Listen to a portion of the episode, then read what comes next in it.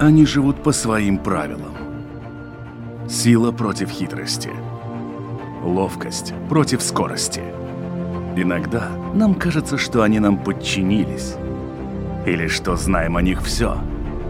Но чаще это не более чем заблуждение. О нас в жизни животных и о них в нашей жизни. В программе «Дикая натура» Последние данные переписи гнездящихся птиц в Латвии показывают, что в долгосрочной перспективе с 2005 года сократилась популяция 27 видов птиц. Негативные тенденции наблюдаются и среди полевых, и среди лесных птиц. Самое тревожное, что речь идет даже не об исчезающих или особо охраняемых видах. Приглядевшись, можно увидеть, что мы стали реже встречать птиц, которые раньше были настолько обычными, что на них вообще не обращали внимания. Что же происходит? Именно об этом мы и поговорим в этом выпуске программы «Дикая натура». Меня зовут Дмитрий Шандро, и мой сегодняшний собеседник – орнитолог Руслан Матрозис. Руслан, здравствуйте.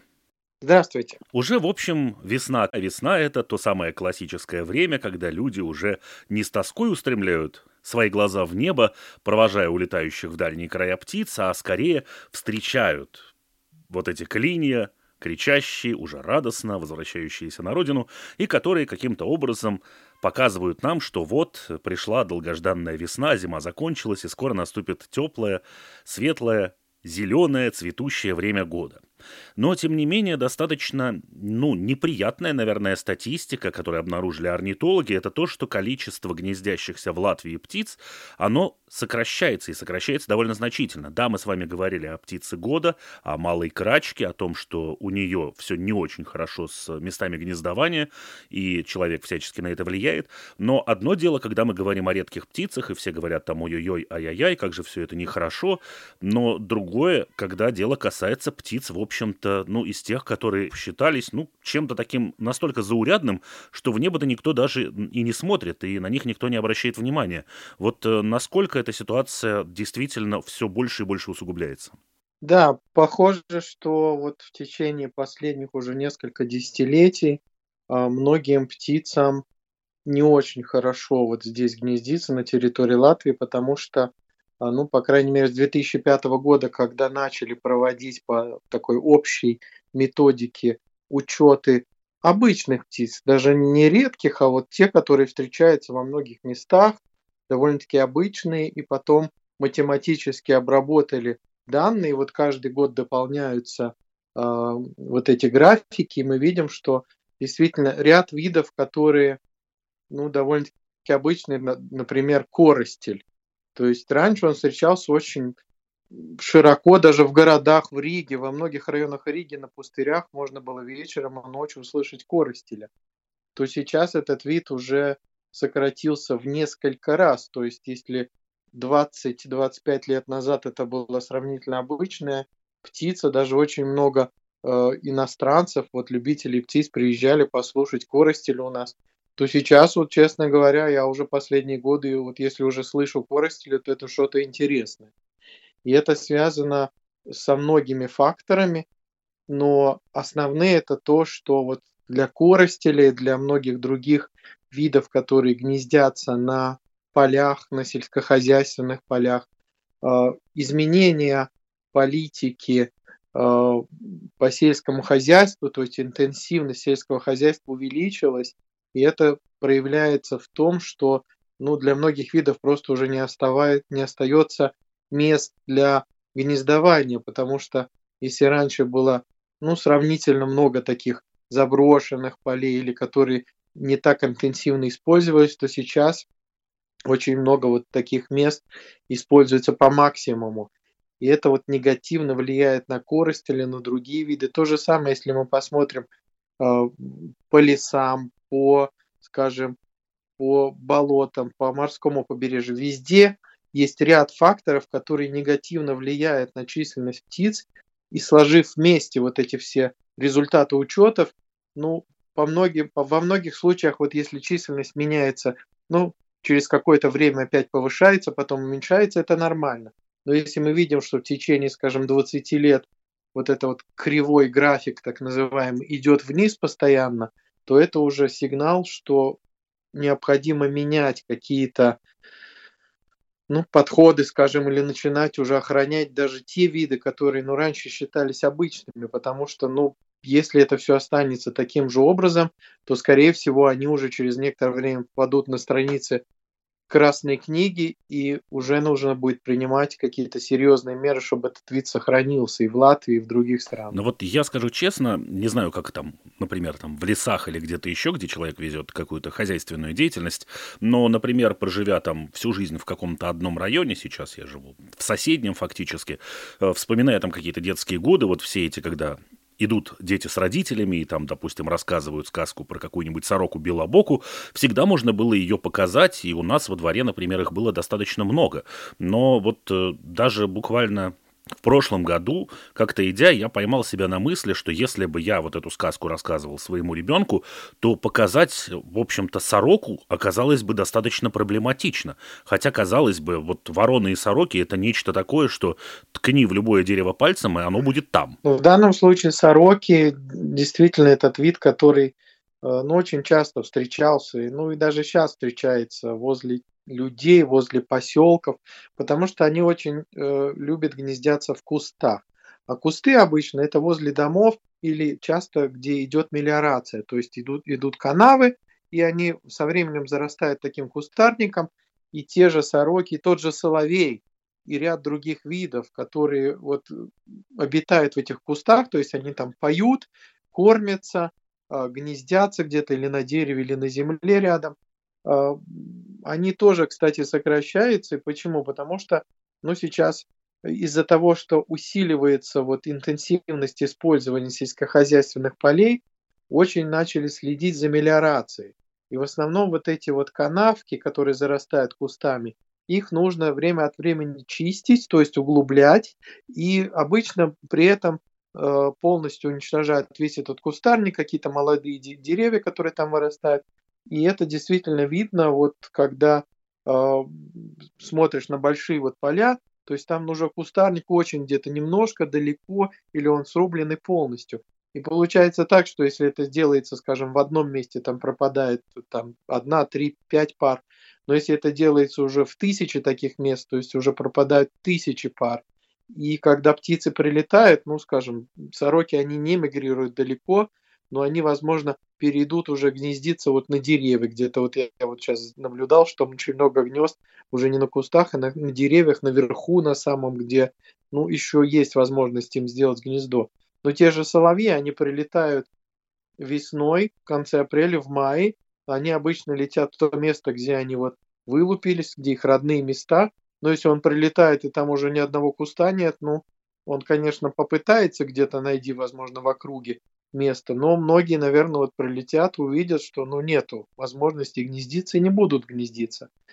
И э, ну, глобально действительно вот, это вот, вот эти учеты, они показывают, что ну, не все виды, но много, гораздо больше, чем вот раньше считалось. Потому что раньше, когда делали первую красную книгу, там ну, учли такие действительно редкие виды или по которым было мало информации. Но сейчас мы видим, что ну, виды, которые многие годы были такие, ну, очень обычные, что действительно численность сокращается, они уже на пути в Красную книгу. Поэтому орнитологи а, ну, время от времени публикуют вот такие сообщения, которые основываются на результатах этих учетов, которые действительно показывают, что ну, многим видам уже не очень хорошо у нас. И вот если эти данные обрабатываются по территории всей Европы, то там действительно многие виды Э, показывают такое же снижение численности также вот в других местах Европы, что уже ну, является таким серьезным критерием для того, чтобы задуматься и начать думать, как, как помочь этому виду или делать какие-то планы охраны или э, ну, вкладывать деньги там в различные исследования, чтобы понять, почему это происходит. Потому что ну, вот эти учеты, они сейчас показывают только то, что вид снижается, а причин может быть очень много. То есть обычно это несколько причин. И вот одна из таких, которая э, ну, характерная для видов, которые улетают от нас на зимовку в другие страны, вот просто сравнили, сколько птиц и как они э, меняют численность э, в те виды, которые улетают на зимовку в Европу и в Африку. У нас в основном летят или в Европу, или в Африку, но отдельные виды улетают даже в Индию. но это, можно сказать, исключение. Оказалось, что пропорция видов, которые улетают в Африку, и которым угрожает уже какое-то вот резкое снижение численности, в Афри... африканских мигрантов среди них больше. Значит, один из факторов вот эта длинная миграция, плюс то, что происходит в Африке с сельским хозяйством, с пестицидами, то есть очень много птиц там погибает, или их отстреливают, или они просто травятся вот на этих полях, которые обрабатывают пестицидами, которые в Европе, допустим, ДДТ запрещен уже давно, потому что он очень негативно на животных влияет. По идее, он, нужен для того, чтобы ну, убивать насекомых. Но насекомые не гибнут, они, скажем, отравляются, но они еще живые, их потом съедают птицы, потом птицы уже накапливают в организме вот эти вот химические вещества, и птица погибает. Но вот эта вся цепочка показывает, что ну, африканские мигранты очень страдают от вот этих причин. Вот еще один тоже вид, э, я помню всегда, еще и там в детстве, идя, опять же, по двору своему родному, где, наверное, ничего особо и не изменилось, по крайней мере, я когда заезжаю туда, смотрю что-то во дворе, ну, может, какой-то куст где-то пропал, что-то еще, но глобально это обычный двор. Э, там вот идешь, и там, о, трясогузка, а сейчас, ого, трясогузка, это тоже как-то связано с нашей деятельностью? Или почему? Ведь эта птица тоже была, в общем, характерна для Латвии. Нигде я столько, как в Латвии, их не видел. А сейчас и в Латвии не вижу.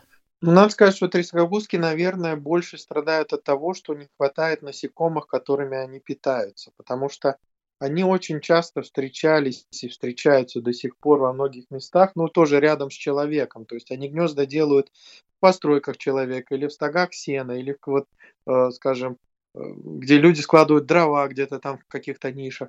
Но численность трясогузки также ну, зависит не только от вот, места выбора гнездования, то есть она может найти еще место, то есть она более лояльна к человеку, не боится, она очень такая спокойная птица, и часто они вот раньше тоже встречались, где были фермы разные, то есть там коровы, помет, насекомые. То есть вот эта формула работала, и очень много и ласточек, и трясогузок было на таких фермах.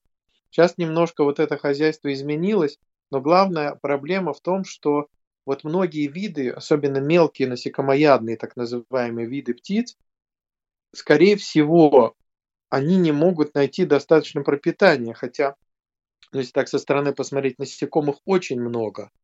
Летом в любом месте очень много насекомых, но наверное, если сравнить, вот сколько их было, то есть действительно раньше, когда вот едешь на машине лет 20 назад, то есть ну, ну постоянно надо чистить стекло впереди, потому что оно вот очень много насекомых бьется. Но это как бы как критерий был. Просто действительно очень много. Но сейчас, конечно, бывает насекомое врезается, но это уже редкость.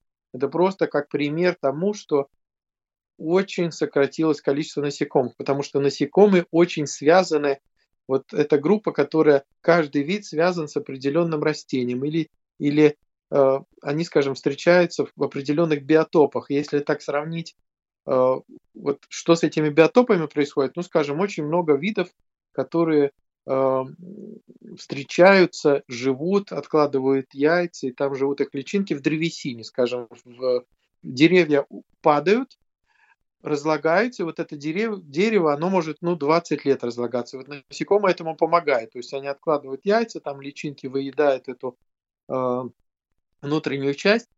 И вот, вот эта группа, как пример просто, очень страдает, потому что сейчас вот такая как бы у нас система, что что-то падает, это сразу пилится, увозится. Иногда вот действительно очень редко можно увидеть какое-то старое дерево, которое упало, его не тронули. То есть, если это вот находится вот эта территория лесов где-то возле населенных пунктов, то ну, они постоянно падают, их все время пилят и увозят. И вот как критерий просто э, очень сократилось количество вот такого биотопа, поэтому и количество насекомых сократилось. То же самое, вот скажем, поля. Вот есть такие поля, где вот ты идешь и смотришь, ну, очень много разных видов растений. Действительно, не, не вот одна культура, а вот разные цветы, орхидеи, другие. И это просто показывает то, что там вот на этом поле ну, такое биологическое разнообразие очень большое. Поэтому вот каждому виду растения там встречаются свои бабочки на определенных растениях, свои, скажем, э, двукрылые, то есть мухи, или те же самые пчелы. Э, э, и вот это все когда меняется глобально, то есть если вот таких полей остается очень мало, и вот у нас есть поле, которое заросло там одним видом травы, скажем, то есть там и биологическое разнообразие будет меньше. Поэтому птица – это как индикатор состояния среды. То есть птицы, как, ну, во многих случаях это вершина, скажем, вот этой пищевой цепочки, то есть или она питается насекомыми, или какими-то другими животными. Но в основном хищники очень хорошо показывают, ну вот если с ними какая-то проблема, то скорее всего вот со всей этой пищевой цепочкой проблем. И вот этот индикатор, то, что пропадают обычные виды, ну, допустим, трясогузка, она зимует, белая трясогузка, в Европе, то есть летит не так далеко. Но, скорее всего, вот факторы, которые влияют, ну, найти место гнездования она может.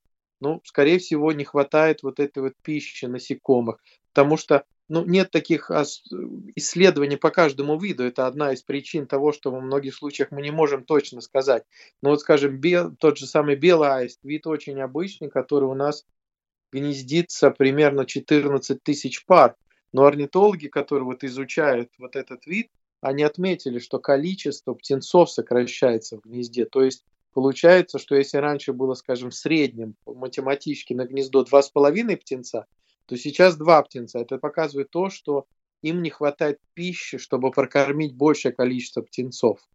И это уже вот та же самая цепочка, если они питаются, скажем, лягушками где-то в окрестностях гнезда, значит не хватает лягушек. А почему не хватает? Потому что, скорее всего, там мелиорация была. Или вот высушили какие-то влажные места, где лягушки обитали, и уже вот эта популяция лягушек сокращается, популяция аистов сокращается, ну вот вся эта цепочка, которая вот с этими лягушками связана. Слушайте, а вот Европа сейчас там активно взяла этот зеленый курс, от государств требуют одно, другое, третье, пятое, десятое.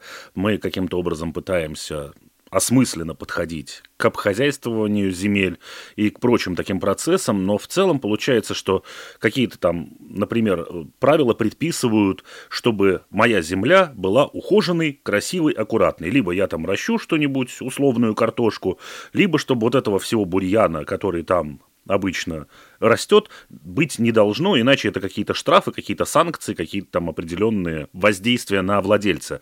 Вот эти обычные поросшие неким бурьяном такие немножко некрасиво выглядящие несуразные территории, они каким-то образом влияют вот на этих самых обычных птиц? Ну, обычно вот в таких странах, в которых э, очень интенсивно развивается сельское хозяйство, там основная проблема в чем? То, что а, вот сеют такие монокультуры на огромных территориях.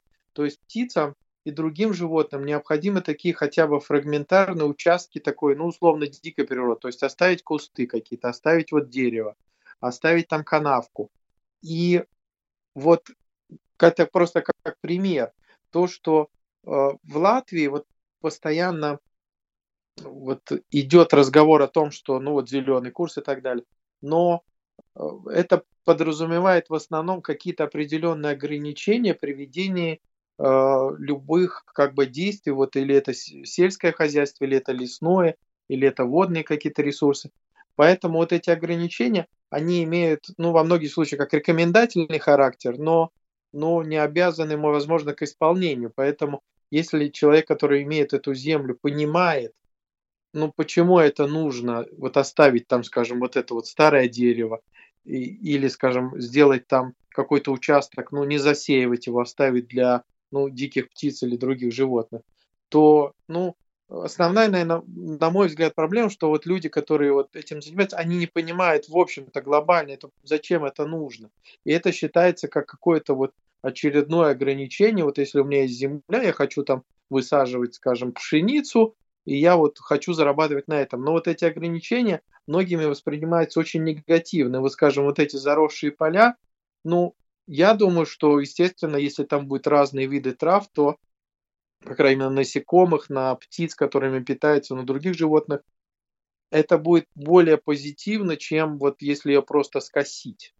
Есть, конечно, определенные виды, которые ну, от, от скошенного поля э, приобретут больше, потому что они питаются, скажем, на голой земле. Но если в общем-то посмотреть, наверное, все-таки биологическое разнообразие вот в таком месте будет больше, чем там его скосить и оставить. Какие еще, в общем-то, виды птиц? Э, да, там трясогузки, да, это сороки. Из тех, которые у нас являются, в общем-то, завсегдатаями, там, те же синицы, ну, их вроде как хватает пока. Какие-то прилетающие дрозды, скворцы, кто у нас еще гуляет, в общем, находятся вот в какой-то такой группе, которые могут из разряда обыденности перейти сначала в вау-эффект, а потом в ой-ой-ой эффект. Ну, в основном это виды, которые гнездятся возле человека, но это обычные, в том смысле, что ну, это виды, которые ну, не боятся людей, ну, так как это делают, скажем, более дикие виды птиц, то же самое, скажем, белая аист и черная аист, то есть белая это как человек, ну, приручил, скажем так, эту птицу, который делал специально вот эти места для гнезд, то есть специальные э, столбы и так далее. А черная аист это вот противоположность, то есть чем дальше люди, чем ему лучше, потому что он ну, очень себя некомфортно чувствует.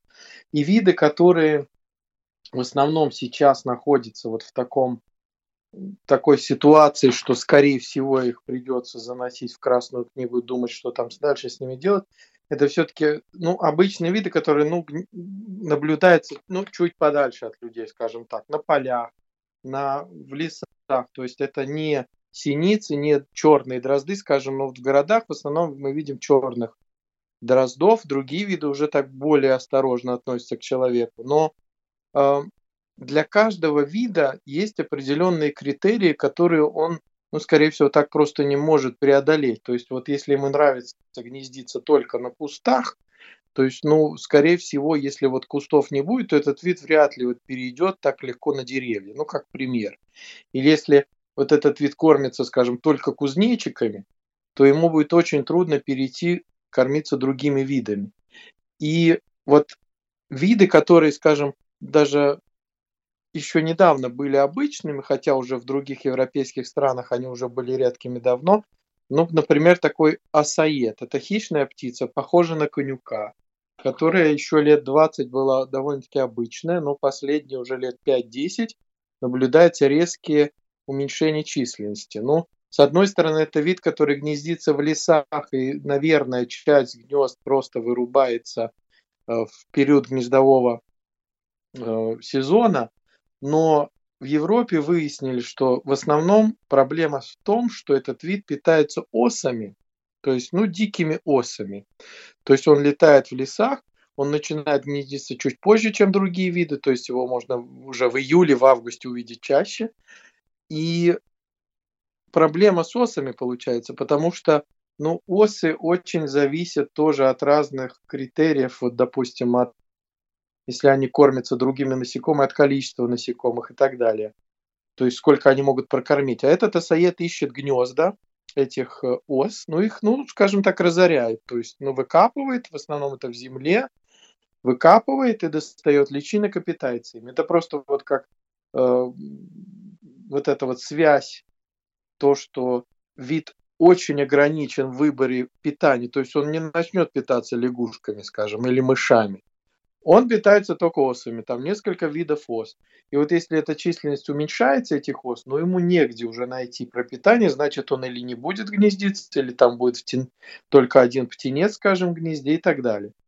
И виды, которые вот встречаются в основном в населенных пунктах, но они ну, более разнообразны, скажем, там ну, врановые те же, то есть Бароны могут гнездиться и на кустах, на таких крупных, и на деревьях, найдут, ну, питаются очень широко.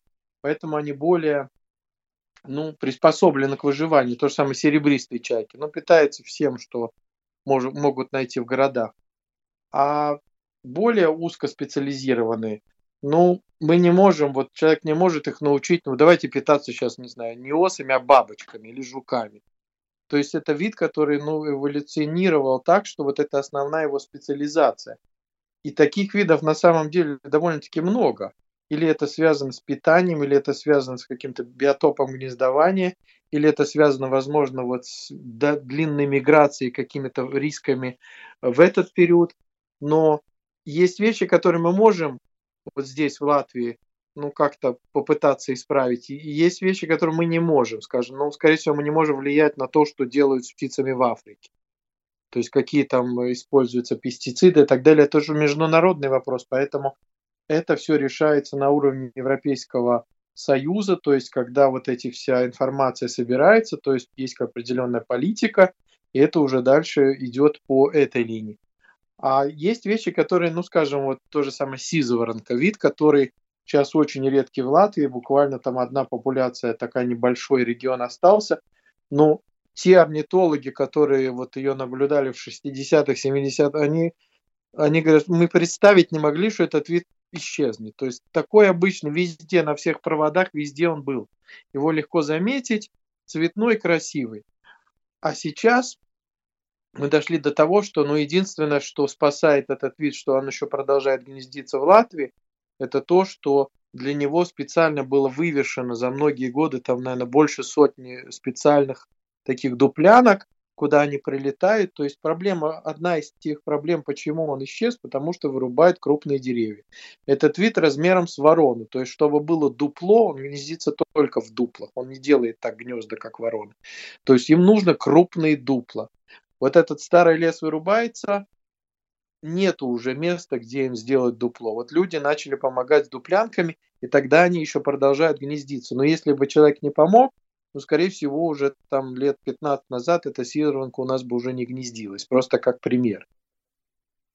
Ну, а если мы, допустим, чуть-чуть буквально вернемся к осоедам, как бы, ну, добро пожаловать в Юрмалу, дорогие друзья, или в любые, там, не знаю, дачные поселки, какие-то кооперативы с частными домами, какие-то частные территории. Ведь любой человек скажет, что, в общем-то, куда ни приедь, собственно, ос более чем много.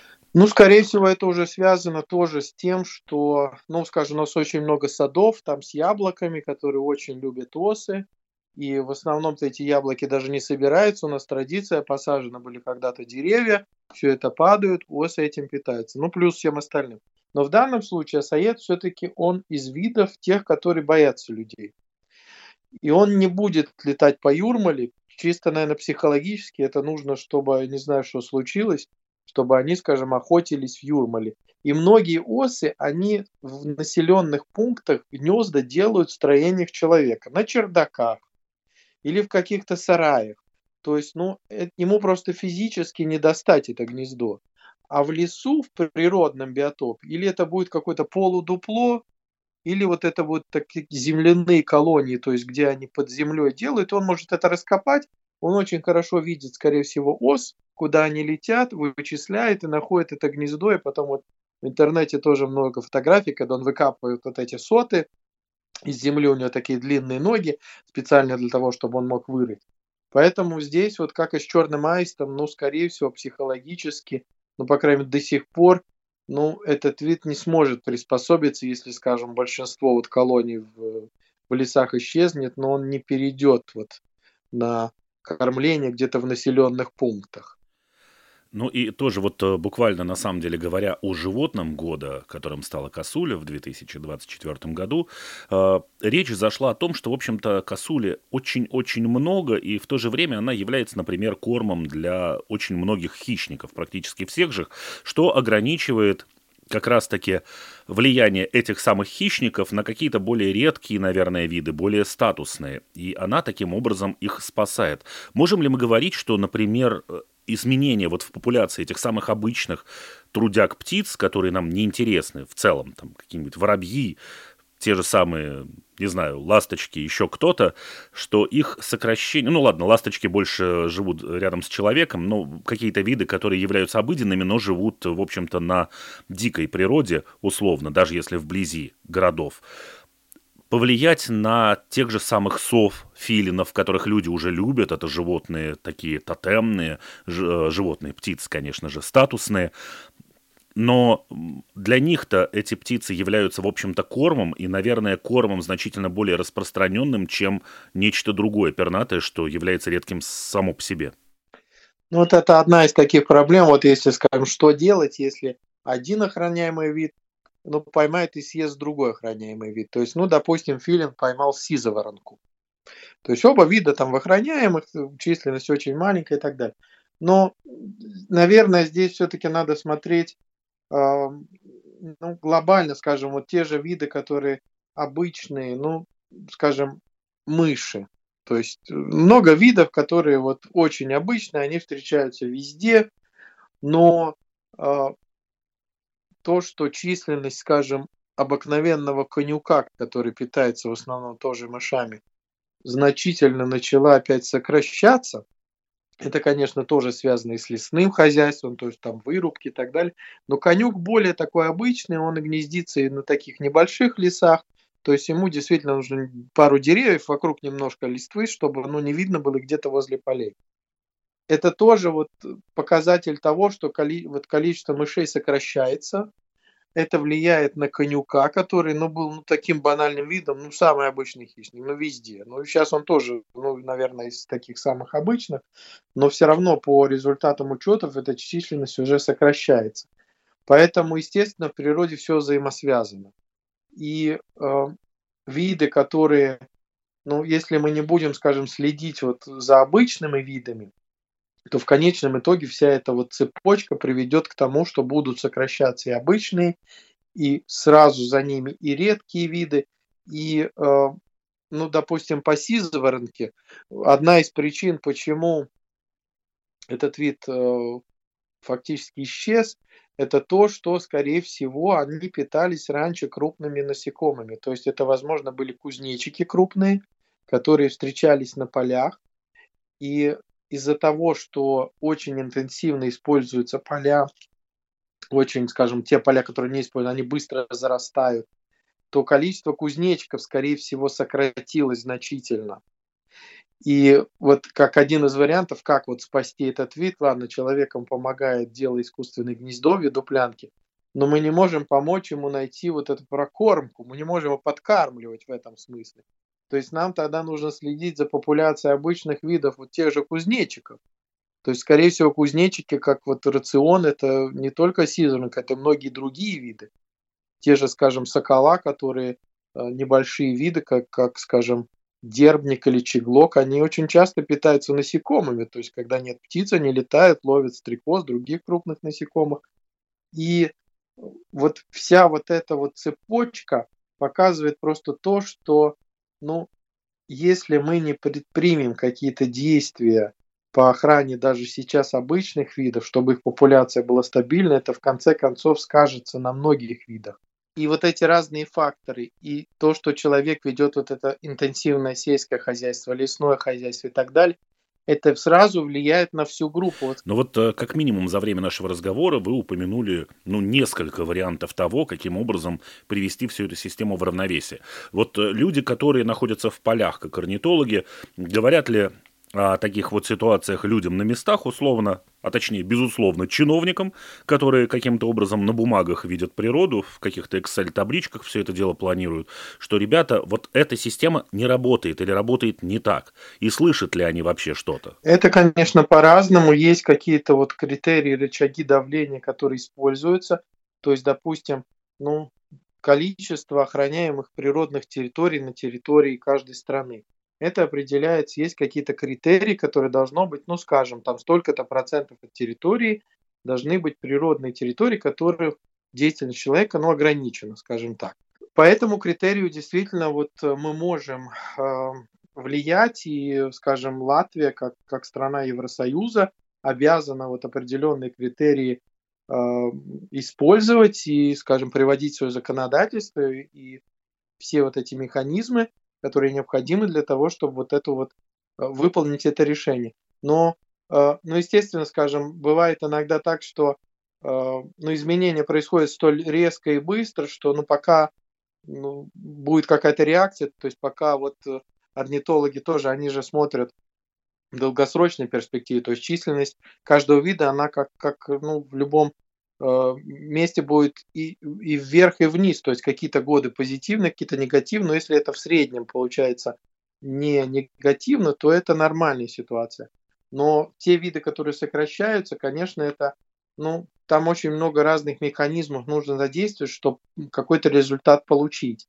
И здесь, наверное, надо делить на два, а, две такие группы. То есть первое это очень глобальные какие-то процессы, которые уже на политическом уровне решаются. И второе, это, наверное, то, что может сделать каждый человек. То есть вот мы с вами в любом месте, вот понимая какую-то необходимость и значимость каких-то действий, но можем как-то улучшить, наверное, ситуацию для многих видов, хотя это, ну, скажем, то же самое, вот э, у кого-нибудь там растет старое дерево, оно упало, ну, наверное, многие его просто распилят и увезут, потому что вот это старое дерево выглядит некрасиво и так далее.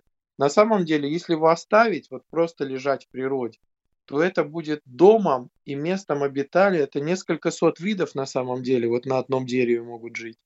То есть там же будут и трясогузки питаться насекомые, насекомые там будут размножаться, там появятся грибы разные и так далее. То есть есть, конечно, шаги, которые ну, человек может довольно-таки легко сделать. То есть если вот нет необходимости, ну, не нужно вот какое-то там поле с цветами просто скосить для того, чтобы было красиво. Или для того, чтобы, не дай бог, там не появились клещи. Но клещи это, скажем, природный ну, механизм защиты или это насекомое, которое ну, использует такие возможности и питается в данном случае кровью, но если вы уничтожите просто вот растительность, то вы повлияете, скажем, там, на 50 видов. Для одного возможно сделать и негативно, вот для клещей, но это также повлечет с собой вот следующую ситуацию, когда там 50 видов не смогут питаться, размножаться и так далее.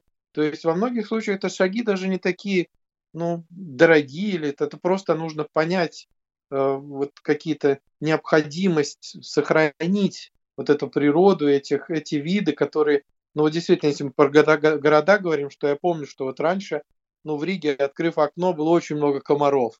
То есть потому что сохранялись вот в данном случае в спальных районах какие-то еще водоемчики, какие-то канавы, где эти комары размножались. И было гораздо больше птиц. Сейчас уже все это осушено, комаров нет, бабочек нет. То есть, если раньше просто на свет залетало очень много видов, то сейчас уже, если ты видишь какие-то бабочки, это уже интересно. Но просто это тоже как индикатор.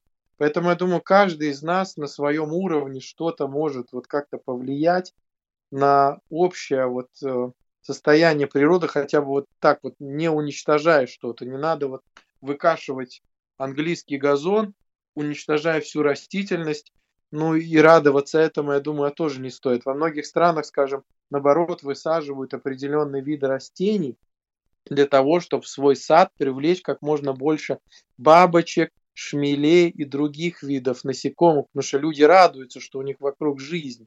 А если это будет все выкашено, то есть, ну, там ничего не будет. Там, возможно, какие-то самые банальные виды будут встречаться, но это уже, это будет уже искусственная такая вот, искусственный биотоп, который не нравится многим видам. Поэтому я думаю, что если подумать, то каждый может повлиять и как-то улучшить ну, жизнь вот этих и животных, и растений, которые встречаются у нас вокруг. Огромное спасибо, Руслан, за беседу, огромное спасибо за рассказ.